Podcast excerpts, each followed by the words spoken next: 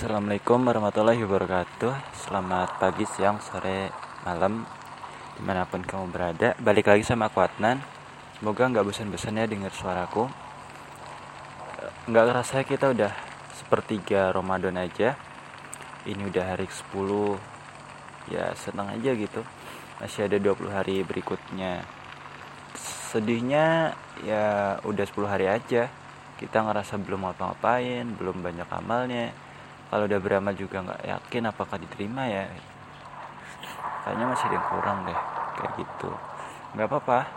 Kita uh, beramal aja semampu kita semampu yang kita bisa. Jangan dipaksakan harus ini harus itu. Yang penting itu kita menikmati fleksibel enjoy aja dalam puasa Ramadan ini. 30 hari aja kan? Ini sebagai training kita untuk 11 bulan ke depannya 11 bulan di mana setan mulai menggoda lagi. Banyak masalah banyak hal yang membuat kita kecewa dan banyak hal yang menimpa kita. Masalah akan terus berdatangan.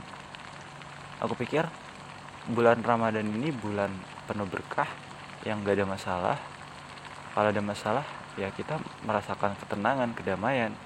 Kita bisa berbagi kita dapat pahala banyak namanya training tentu nggak ada ujian. Ini cuma latihan-latihan aja.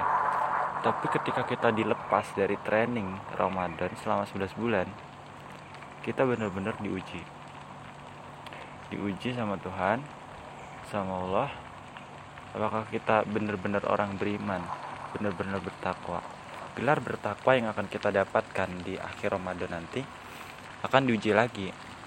Apa iya sih si Adnan bertakwa si ini bertakwa kamu bertakwa. Diuji lagi bener nggak? Ucapannya bener nggak? Konsisten nggak? Masih sanggup nggak buat berbagi? Dan banyak hal lainnya yang nantinya baru akan divalidasi sama Tuhan dan malaikat ketika kamu udah meninggal. Dia surat al-fajr intinya tuh kembalilah kepada Tuhan dengan jiwa yang tenang jiwa yang bersih ya kan? Artinya ya udah kita bener-bener udah bersih. Kita tinggal nunggu waktu aja kapan masuk surga. Bener nggak? Enak banget ya rasanya kalau kita bisa menghadapi setiap masalah di dunia dengan baik. Kita nggak marah kita bisa bersabar. Bisa menghadapi semua godaan baik itu dari dalam diri kita dari luar kita itu amazing banget kita lihat keajaiban yang dikasih Tuhan. Banyak nggak orang sedekah?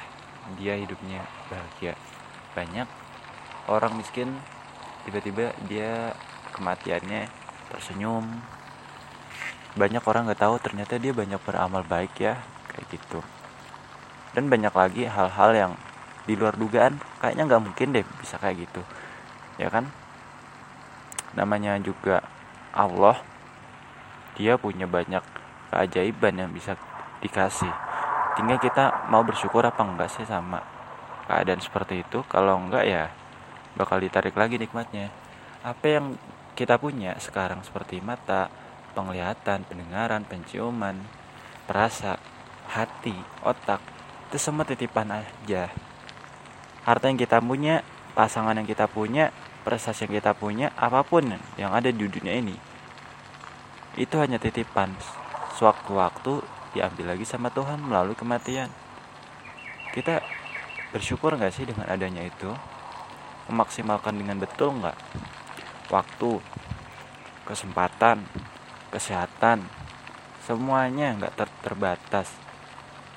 Tapi masih banyak dari kita yang kufur seolah kita paling baik paling hebat. Ketika aku mencapai suatu kejayaan aku langsung sadar aku bukan siapa-siapa. Gue seneng seneng. Ini sebentar aja. Tapi aku merenungnya cukup lama. Ini bener nggak sih dari apa ya buat aku bersyukur atau malah kufur? Aku nggak boleh deh. Terus-terusan seneng. Toh ini juga cuma titipan. Allah ngizinin aku buat dapat prestasi. Kalau bukan karena Allah aku nggak mungkin bisa sampai detik ini. Nggak mungkin bisa hebat seperti ini ya kan? Imam Syafi'i. Karena izin Allah beliau cerdas dan menjadi imam mazhab. Kita karena izin Allah masih bisa hidup sampai sekarang. Kalau Allah nggak izinin kita udah meninggal semalam. Sekarang udah tinggal dikubur bayangkan begitu banyak nikmat yang Allah kasih kepada kita sampai kita nggak bisa menghitung saking banyaknya nikmat. Kita bisa bernafas bisa bertemu di bulan Ramadan sampai sekarang. Masih bisa dengar podcastku kamu masih bisa berkarya kuliah kerja dapat uang dan sebagainya itu karena siapa? Karena Allah. Aku heran ya kenapa banyak orang sih masih sombong? Ketika dia kasih kelebihan kasih kehebatan dia lupa siapa yang ngasih. Siapa yang memberikan begitu banyak kehebatan pada dirinya?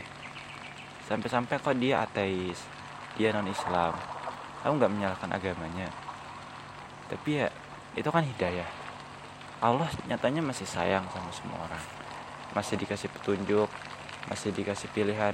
Mau nggak sih kamu jadi lebih baik gitu? Ya kembali lagi manusia kan punya kehendak bebas. Dia bisa gunain itu. Tapi tetap aja itu dalam koridor takdir Allah juga. Kita ini hidup dalam ketak terbatasan pilihan dan kemungkinan. Tapi apa yang terjadi dalam hidup kita itu adalah pilihan yang terbaik. Kita bertemu seseorang yang berbeda setiap harinya. Itu ya karena takdir Allah. Kita bertemu di jam sekian dengan orang itu dengan kondisi kayak gitu untuk apa? Untuk memberikan hikmah untuk memberikan kita pelajaran. Teman-teman kita udah sepertiga. Tolong tingkatin ibadahnya ya jangan males lagi kalau ada tugas yang belum selesai tolong diselesaikan eh, kita bisa ketemu besok lagi Semoga bermanfaat. Wassalamualaikum warahmatullahi wabarakatuh.